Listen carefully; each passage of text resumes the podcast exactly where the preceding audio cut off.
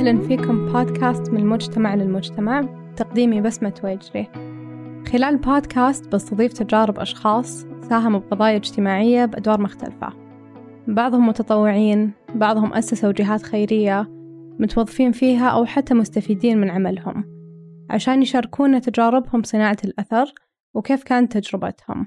والأهم نعرف منهم كيف ممكن ساهم بقضيتهم لاحظت أننا غالبا ممكن نستصغر جهودنا لهذه الجهات لأننا نحس أن الأثر آه بيكون مو مجدي.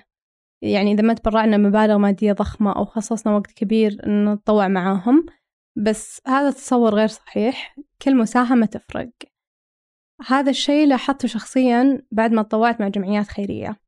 شفت كيف كل دقيقة متطوع ممكن يسويها عشان ينظم تحدث فارق كيف كل آه، ريال خلينا نقول يشتري أشياء أشخاص جدا يحتاجونها. بعدها صار عندي اهتمام كبير بالقطاع الخيري. كيف ناس تسوي جهود العظيمة هذه؟ كيف تستخدم هذه الموارد بطريقة ذكية؟ وكل ما كنت أذكر اهتماماتي وتجارب المعارفي يسألوني أكثر عنها. كيف يقدرون يساعدون؟ آه إيش هذه الجهات؟ فكان ودي أفيد شريحة أكبر بالأمور اللي تعلمتها. كانت البداية بمبادرة رد الجميل أو It Forward ب 2016 نفذنا مشاريع كثيرة. بعدها صار عندنا خبرة عملية. واجهنا تحديات كثيرة. فكان ودي أختصر كل الأمور اللي مرينا فيها لأي أحد مهتم بالمجال عشان ما يكررون أغلاطنا. فجمعت كل الدروس اللي تعلمتها بكتاب نشرته قبل فترة. نفس مسمى البودكاست من المجتمع للمجتمع. ويتضمن 16 تجربة غير تجربتي. وأضفنا منهجية تخطيط. وهدف يكون مرجع شامل أي أحد بغض النظر عن خلفيته. آه والحمد لله لاحظنا أن في إقبال كبير على التجارب. والناس مهتمين يعرفون تجارب أكثر وأكثر.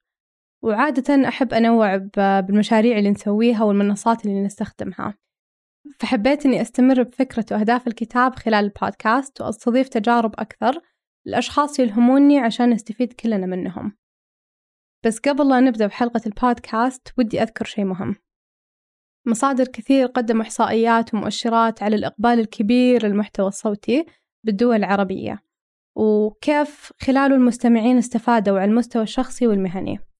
بس للأسف بسبب طبيعة البودكاست إنه صوتي يستثني جزء كبير من مجتمعنا وهم أخواننا وأخواتنا الصم وضعاف السمع.